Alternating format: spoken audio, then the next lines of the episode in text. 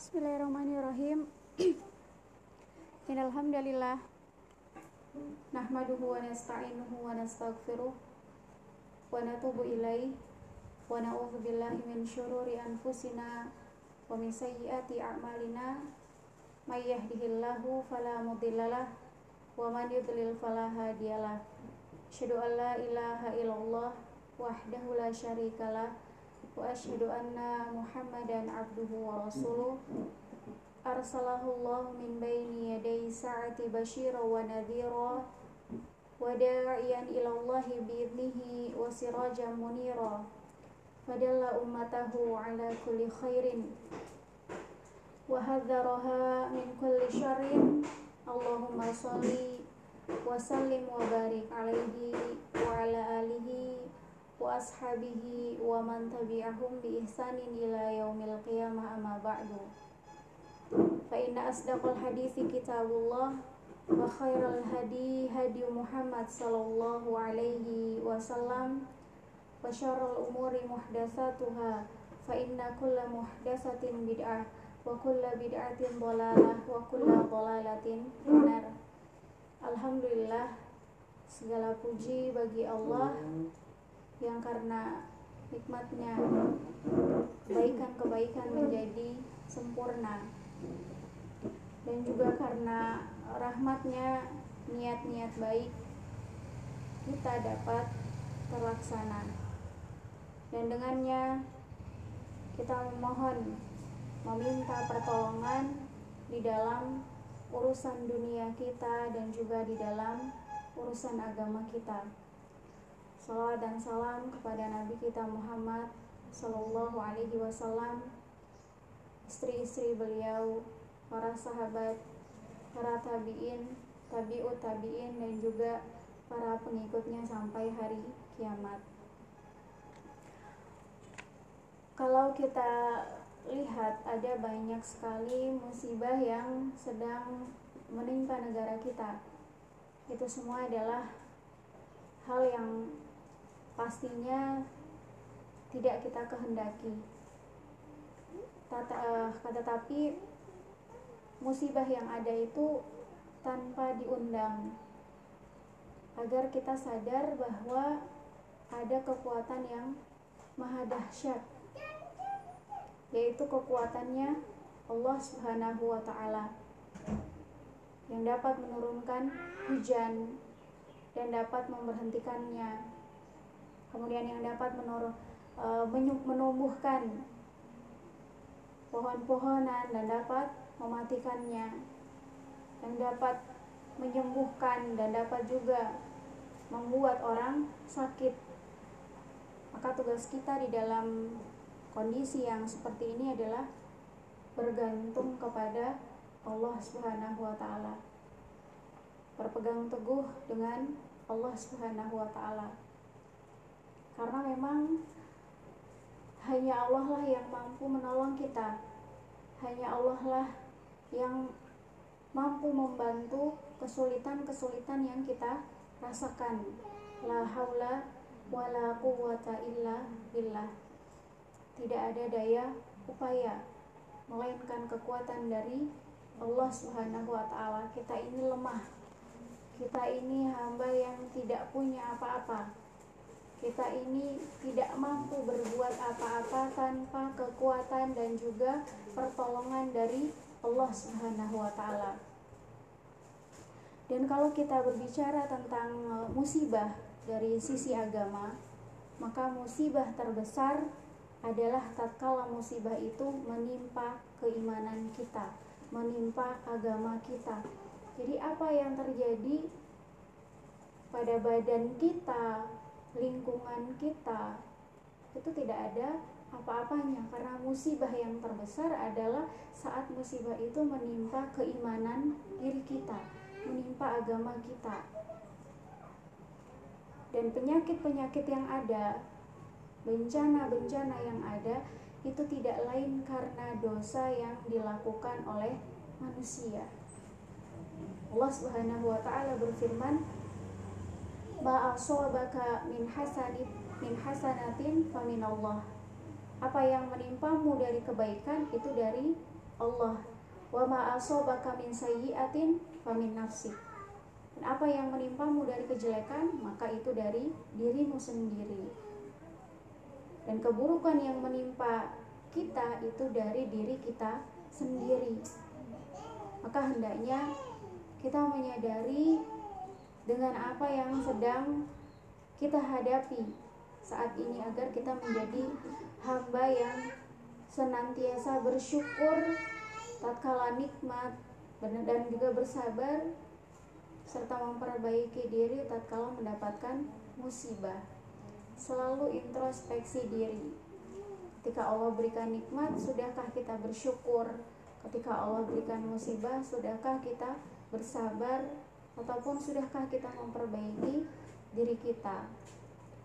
Karena sesuatu yang jelek yang menimpa diri kita itu ia dari tangan kita sendiri dari ulah kita sendiri. Allah Subhanahu wa taala berfirman di dalam surat At-Taghabun ayat 11, "Ma asaba min musibatin illa biidnillah wa may yu'min billahi yahdi qalbah wallahu bikulli syai'in alim." Tidaklah ujian atau musibah itu kecuali dengan izin Allah Subhanahu wa taala dan barang siapa yang beriman kepada Allah, maka Allah akan memberi petunjuk ke dalam hatinya.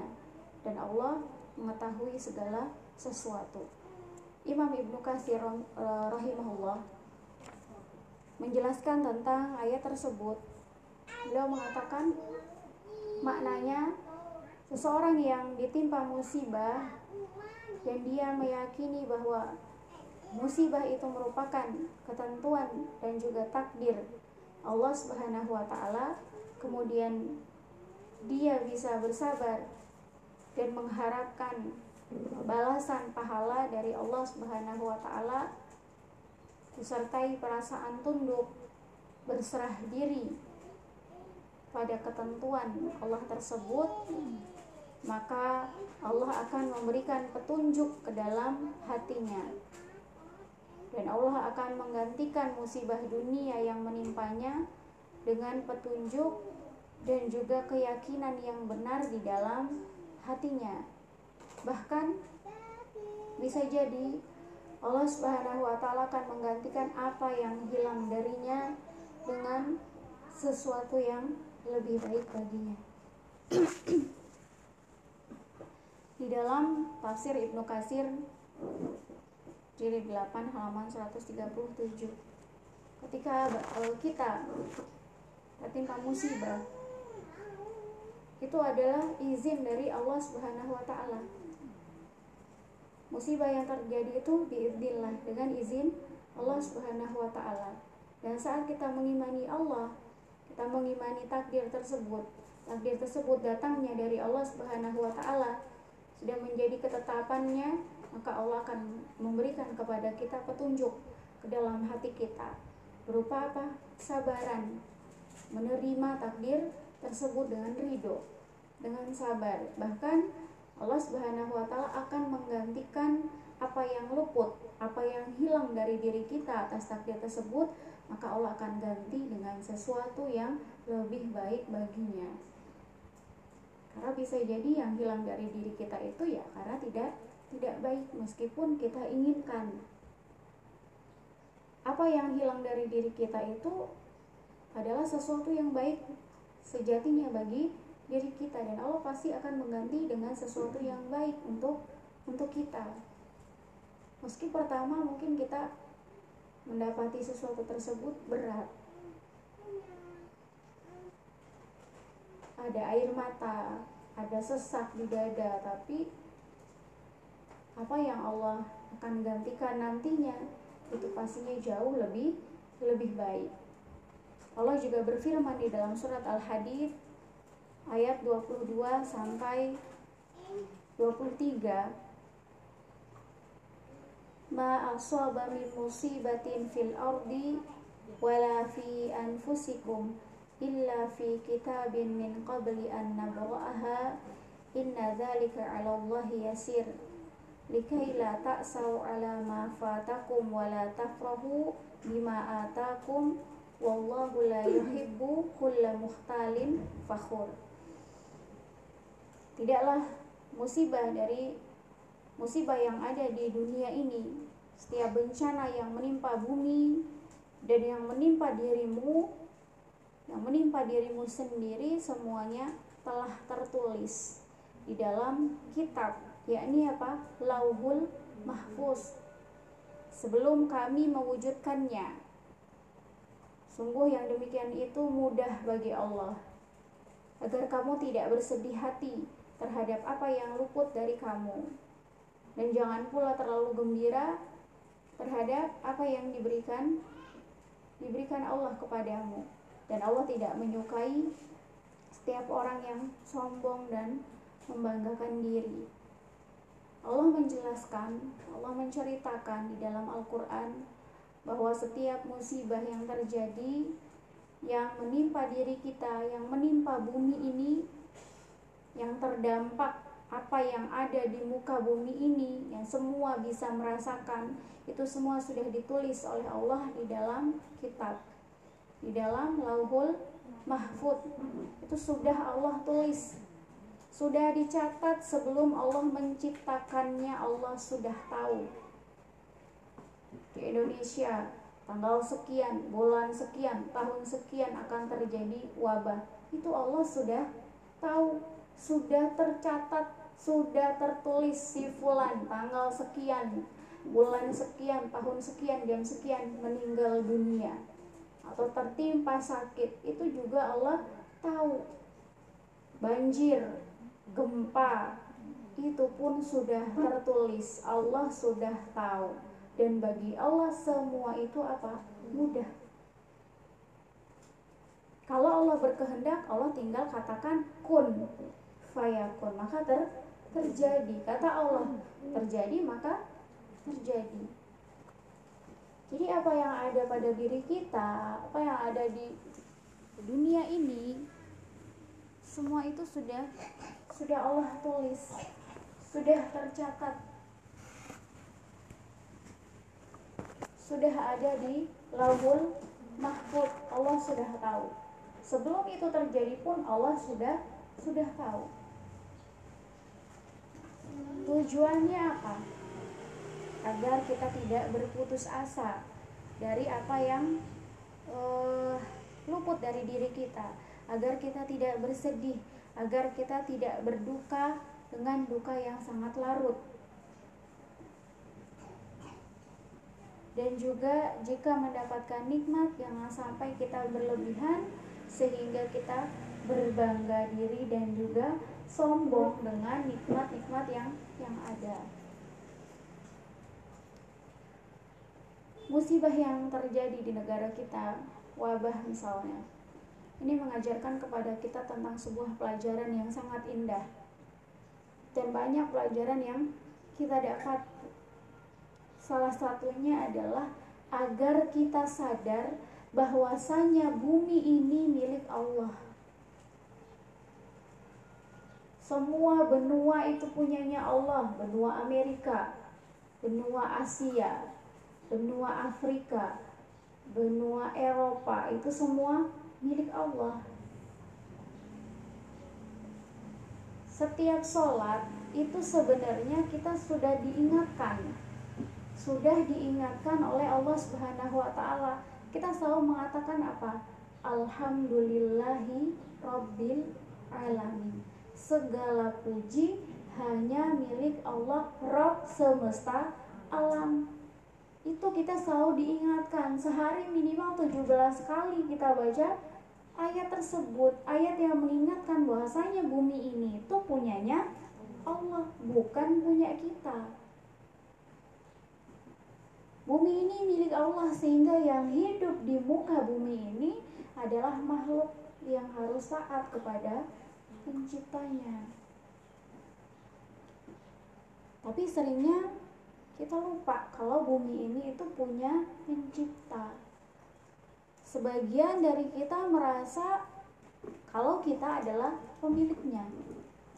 Kalau kita yang punya bumi ini, kita yang punya negeri ini, kita yang mengatur, kita yang mengurus.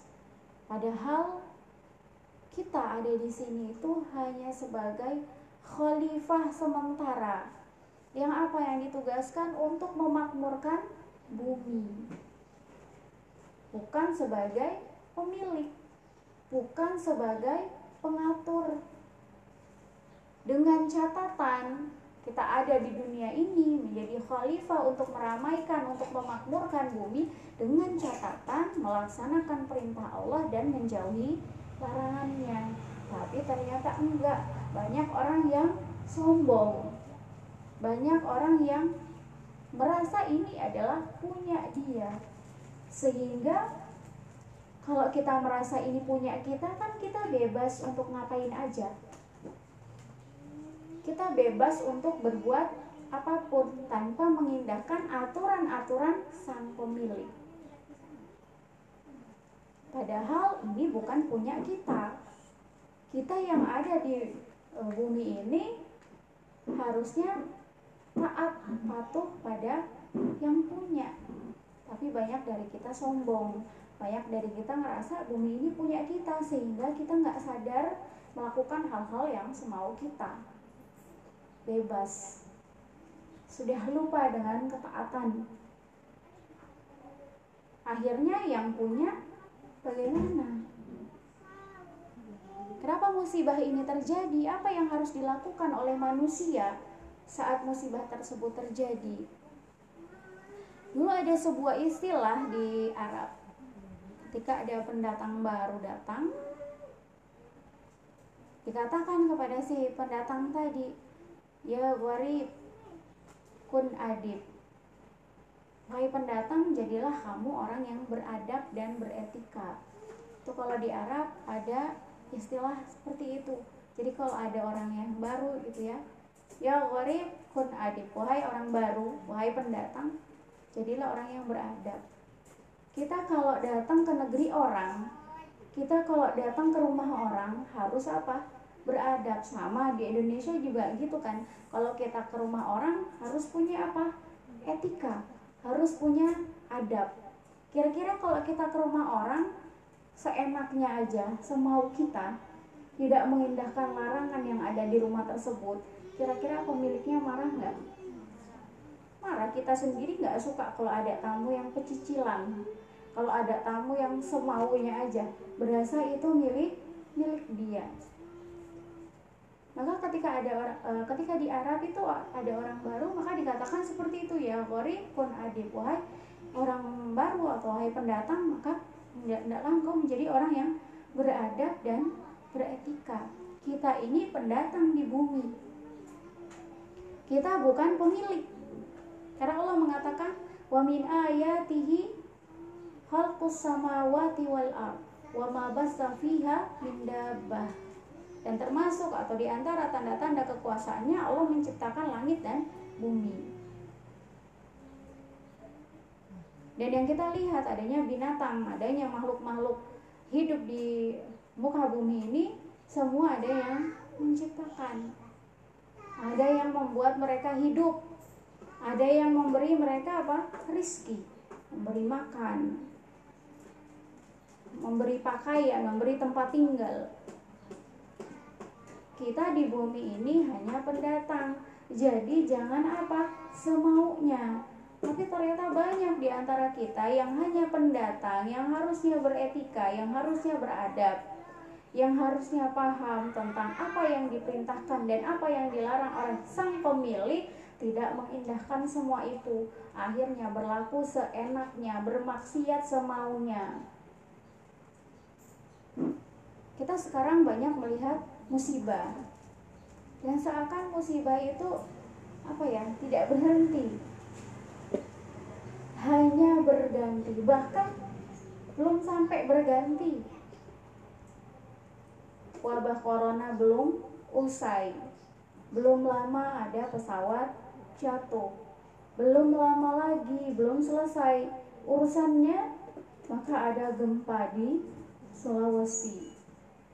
Belum selesai, ada lagi apa? Banjir di Kalimantan, ada lagi longsor, ada lagi gunung meletus. dan itu nggak lama hanya hitungan hari.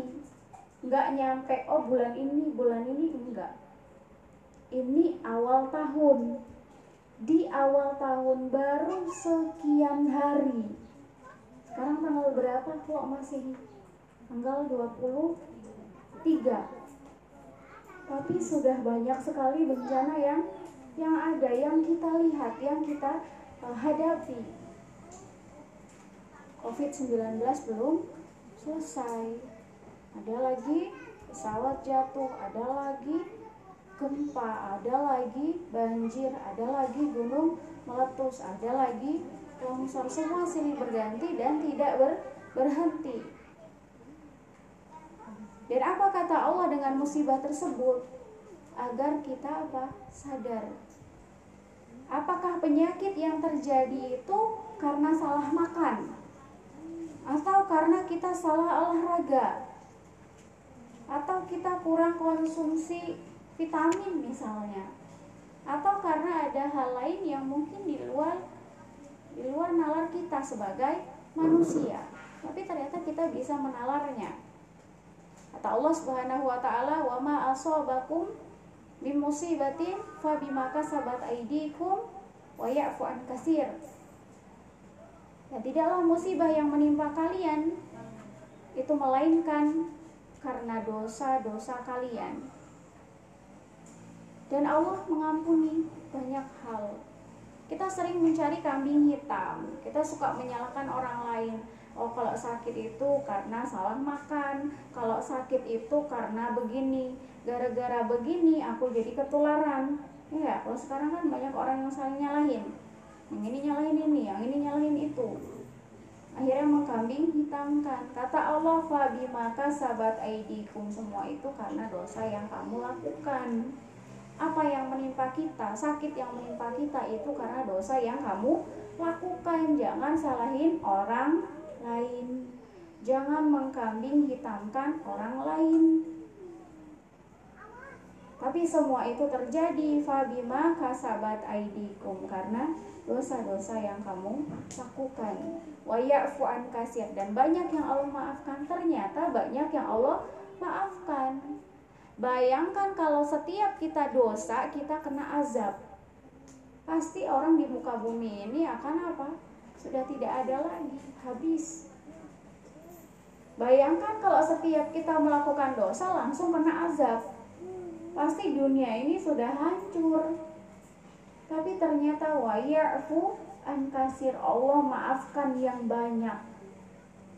Dosa kita banyak tapi Allah maafkan. Nyatanya apa? Allah berikan ujian itu sedikit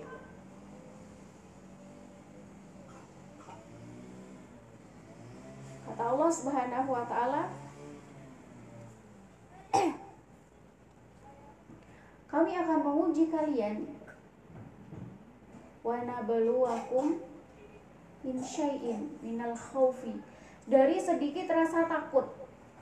Yang Allah timpakan kepada kita itu sedikit. Saat ini kita rasakan semua. Minal khauf dari rasa takut. Suka takut nggak sekarang kalau keluar? Pakai masker, cuci tangan, nggak mau kerumunan, itu kan rasa takut. Tapi ternyata yang Allah timpakan rasa takut itu sedikit, nggak banyak. Coba kalau semua rasa takut yang Allah timpakan, gimana jadinya? Yang sedikit aja kita susah bergerak. Ya kan? Nggak bebas lagi kayak sebelum pandemi. Karena ada rasa apa? Takut ada rasa khawatir tapi ternyata syai kata Allah sedikit yang Allah kasih itu cuma sedikit.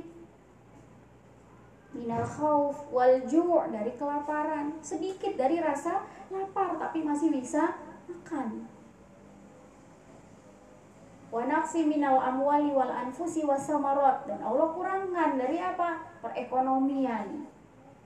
Sekarang banyak sekali di setelah pandemi ini banyak yang berubah. Dari hal ekonomi misalnya banyak suami-suami yang dirumahkan. Bahkan apa? Di PHK sudah nggak punya pekerjaan. Otomatis ekonomi dalam keluarga itu berguncang. Berkurang. Yang biasanya ojol ya biasanya banyak ini sedikit. Bahkan nyaris nggak ada. Yang mungkin masih ada pekerjaan tapi gajinya nggak full. Itu juga banyak tapi syai sedikit yang Allah kurangi itu sedikit yang Allah kasih yang Allah timpakan itu sedikit nggak banyak nggak ada pekerjaan tapi masih sehat masih bisa berusaha. Yang gajinya berkurang tapi masih ada. Gak semua. Coba kalau semua Allah habiskan semua, gimana kita? Tapi kan ternyata enggak. Allah muji itu syai sedikit dari kematian. Allah uji juga banyak sekarang yang meninggal ya kan dari keluarga kita misalnya tapi nggak semua keluarga kita meninggal tetangga kita nggak semua tetangga kita meninggal hanya sedikit yang Allah uji dengan kematian wasamarot sama. Tumbuhan perekonomian sekarang sedang berguncang dan semisal tapi itu cuma sedikit. Allah pasti akan memberikan jalan keluar. Nggak ah nggak mungkin. Nggak Allah kasih jalan keluar itu nggak mungkin. Inna ma'al usri yusron di situ tulisannya gini.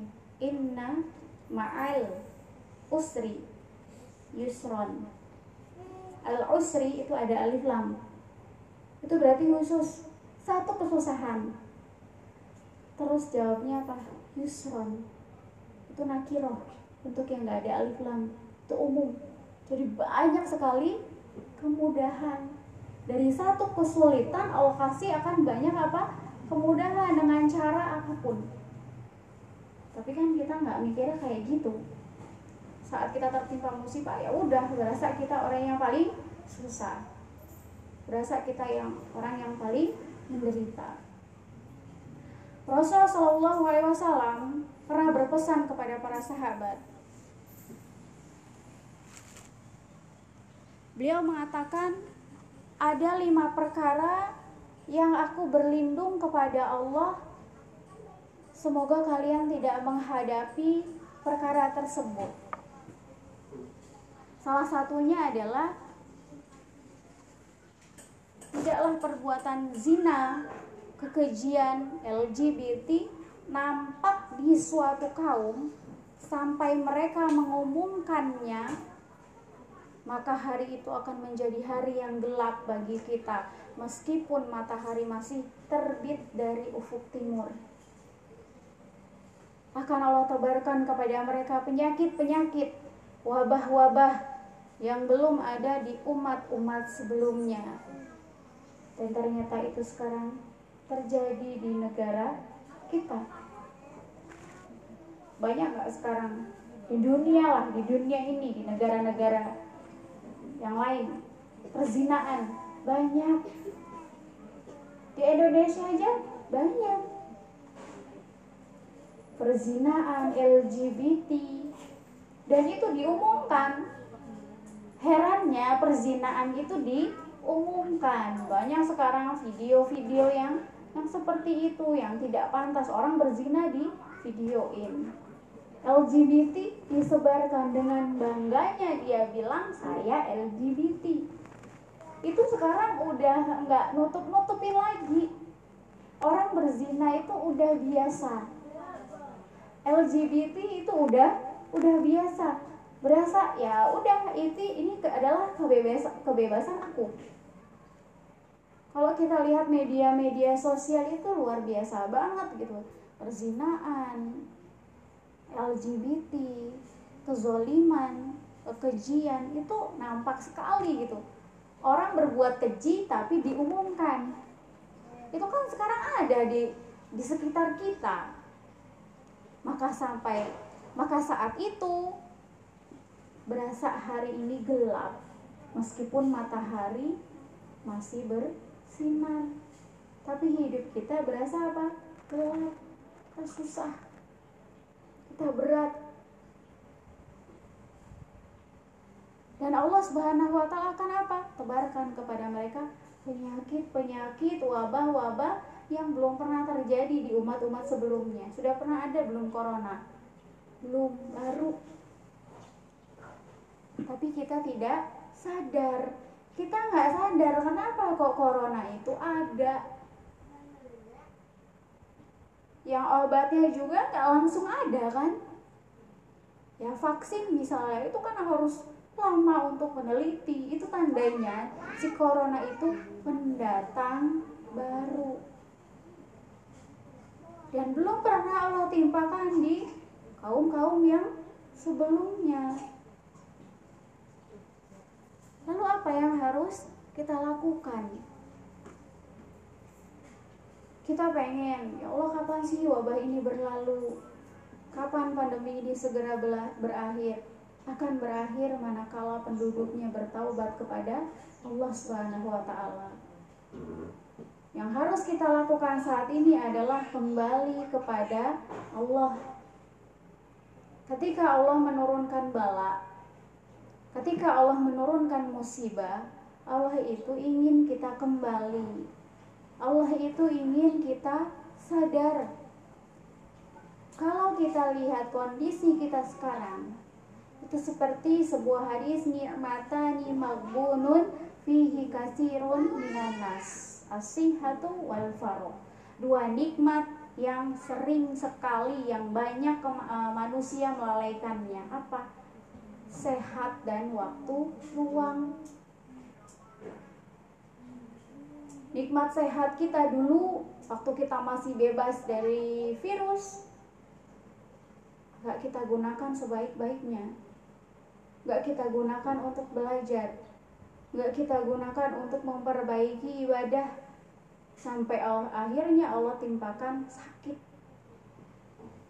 Kita kalau sehat selama sakit itu enak mana enak sehat. Kalau sakit itu ibadah itu susah.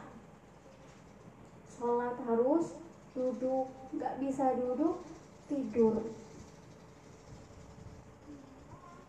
Itu kalau sakit. Gitu ya. Tapi seringnya kita ketika sehat itu lalai lupa itu kalau sakit ingatnya sehat. Tapi kalau sehat jarang ingat sakit coba kalau kita sehat ingatnya waktu sakit pasti kita sergap untuk melakukan kebaikan. Dan juga waktu luang. Sekarang mungkin banyak waktu luang tapi kitanya nggak bisa berbuat apa-apa. Orang banyak di rumah ya kan? Bahkan kan ada tagar tuh di rumah aja. Orang sekolah di rumah orang ngajar ngajar di rumah. Orang kerja di rumah. Maksudnya banyak gitu ya waktu di di rumah. Tapi bisa apa? Tidak seperti ketika dia bisa keluar rumah dengan dengan bebas gitu. Bisa melakukan aktivitas. Bahkan pengajian pun lama sekali kan ditutup nggak boleh ada pengajian nggak boleh ada sekolah. Siapa yang bisa menutup sekolah siapa yang bisa menutup pengajian siapa yang bisa menutup oh, perayaan tahun baru siapa coba selama ini yang bisa menutup bisa nggak setiap tahun ditutup itu tahun baru nggak ada baru tahun ini aja kan tahun barunya ditutup nggak boleh ada perayaan tahun baru Gara-gara siapa itu? Gara-gara makhluk Allah yang kecil yang Allah timpakan kepada manusia yang kita nggak bisa lihat. Apa nggak maha kuasa Allah? Giliran digituin baru mikir. Itu juga buat yang mikir. Dan ternyata banyak terkena wabah tapi masih bermaksiat kita sedang tertimpa musibah seperti ini bukannya mendekat kepada Allah, bukannya kembali kepada Allah, tapi apa? Malah bermaksiat. Maksiat itu enggak henti-hentinya. Maka solusinya adalah kita istighfar, kita introspeksi diri, belajar untuk apa? Untuk memanfaatkan apa yang Allah berikan kepada kita. dua nikmat tadi aja lah sehat dan waktu luang mumpung masih sehat mumpung masih bisa berjalan mumpung masih bisa beraktivitas lakukan hal-hal yang baik lakukan hal-hal yang bisa membuat manfaat gunakan kesehatan yang Allah kasih itu untuk mengabdi kepada Allah Subhanahu wa taala. Walau anna ahlal qura amanu wattaqau lafatahna alaihim barakatin minas sama'i wal ardi. Walakin kadzabu fa akhadnahum bima kanu yaksibun. Kata Allah Subhanahu wa taala seandainya penduduk suatu negeri beriman dan bertakwa beriman kepada Allah Subhanahu wa taala meyakini Allah wattaqau dan mereka bertakwa menjalankan perintah Allah menjauhi larangannya la fatahna alaihim barakatin minas sama'i wal. Sungguh aku akan bukakan bagi mereka apa? keberkahan dari langit dan bumi. Kalau satu penduduk negeri itu beriman kepada Allah, bukan iman KTP. Benar-benar beriman meyakini dengan hati, melafatkan dengan lisan dan berkonsekuensi dengan anggota badan dengan keimanannya tersebut. Kemudian dia apa? Bertakwa. Menjalankan perintahnya menjauhi larangannya.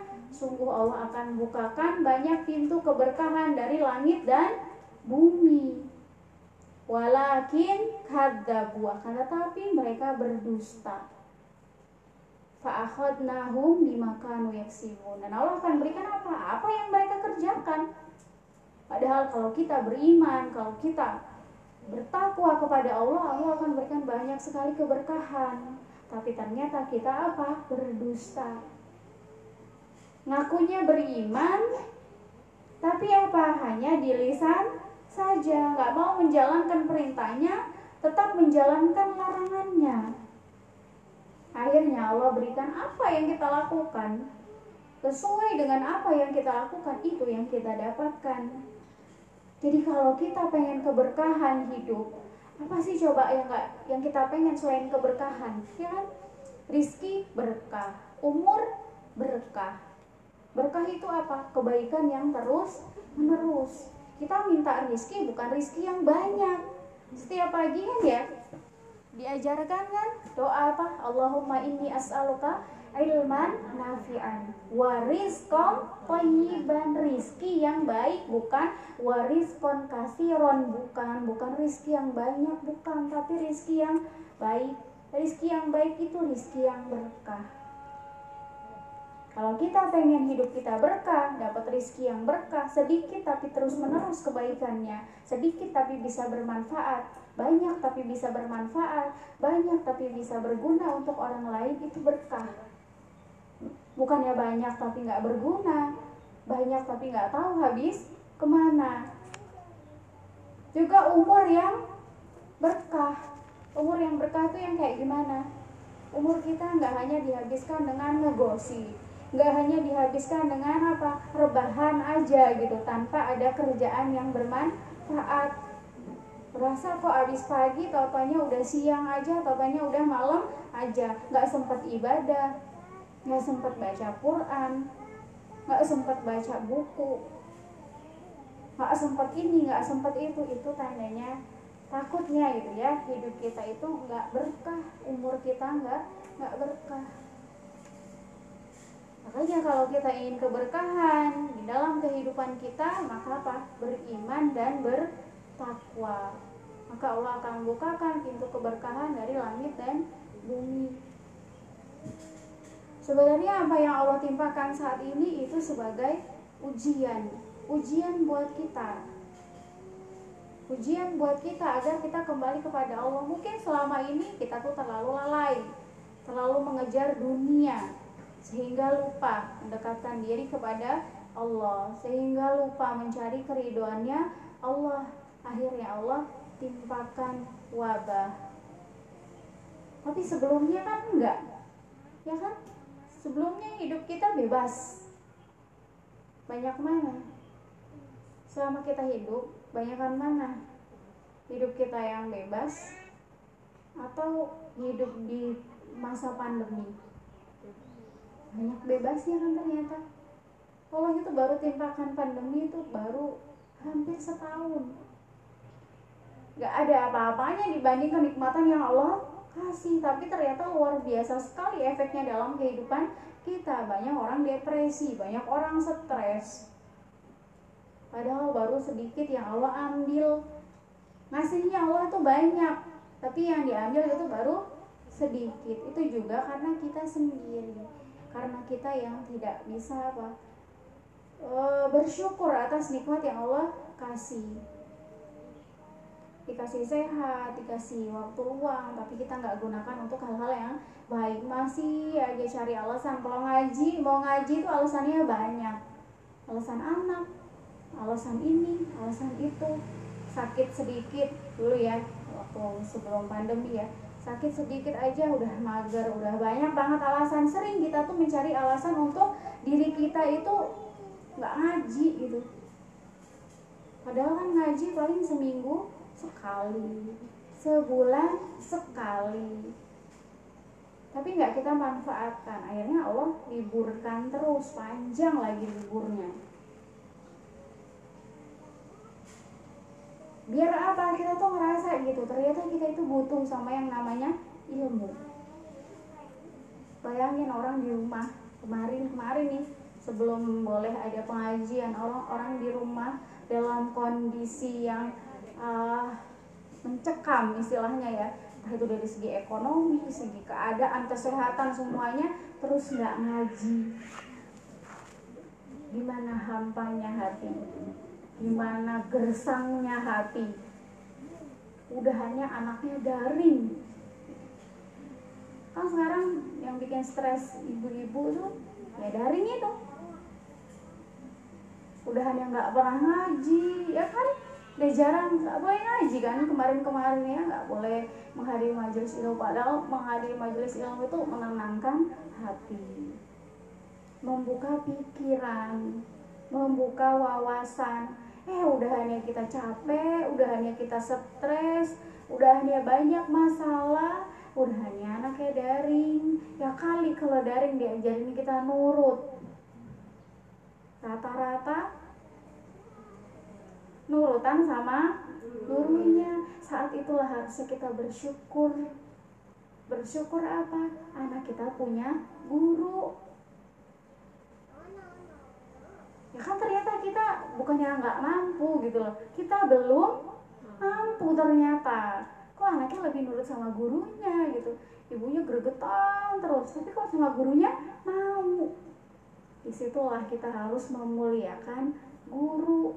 Gimana yang di, yang diurus nggak cuma satu nggak cuma anak kita tapi puluhan. Tapi ya kok mereka nurut kita satu aja aduh rasanya ngebul kanan ngebul kiri. Ya kalau nggak pakai ngomel. Mungkin kalau bisa mulut kita diisolasi isolasi mulut kita ya udah ngomel terus. Terus anaknya apa? Eh, stres juga anaknya. Kejar-kejar tugas ini dan, dan sebagainya. Ya stres. Itu sebenarnya kan kita ngerasa gitu. Oh iya yang kita tuh terbatas gitu. kita itu punya kemampuan ter terbatas hanya banyak sekali sebenarnya yang Allah kasih gitu ke kita selama pandemi, selama musibah yang ada tuh banyak sekali pelajaran yang harus kita ambil. Allah pengen kita itu bersyukur. Allah pengen kita itu kembali, kembali sama sama Allah. Karena kita sudah terlalu banyak apa lalainya. Maka dari itu solusinya kalau kita ingin musibah ini terangkat. Biidnillah maka kita mendekatkan diri kepada Allah. Kembali kepada Allah kembali mengatur diri kita sebagai seorang hamba. Padahal kita ketika sholat itu diingatkan ketika awal sholat ya Allahu Akbar Allah Maha Besar. Berarti selain Allah kecil selain Allah itu nggak ada apa-apanya. Tapi sholat kita masih juga e, lupa apa? Rokaat. Suka nggak lupa rokaat? Uh, lupa baca apa? Itu karena di kepala kita dunianya lebih banyak. Padahal di awal sholat Allahu Akbar kita bilang Allah maha besar. Maka coba perbaiki. Perbaiki dari mana? Kalau kita mau memperbaiki diri kita katanya musibah ini biar terangkat itu kita perbaiki diri kita. Mulai dari mana perbaikinya? Mulai dari sholat. Sholat kita diperbaiki. Nggak hanya sekedar sholat itu menggugurkan kewajiban atau kita sholat hanya menjalankan kewajiban tapi sholat adalah kebutuhan hidup kita. Bagaimana kita berkomunikasi dengan Allah Subhanahu wa taala. Maka sholat itu nggak hanya sekedar gerakan badan dan lisan saja, tapi juga dengan hati, wasta'inu bisobri wassalah paling saat tertimpa musibah minta pertolongan. Dengan wasilah apa? Sabar dan sholat makanya sholatnya diperbaiki. Saya harus memperbaiki apa dulu? Bingung ya sholat aja dulu. Kalau sholat kita sudah benar insya Allah amalan-amalan yang lain pun akan benar. Mungkin itu saja. Silahkan kalau ada yang mau e, ditanyakan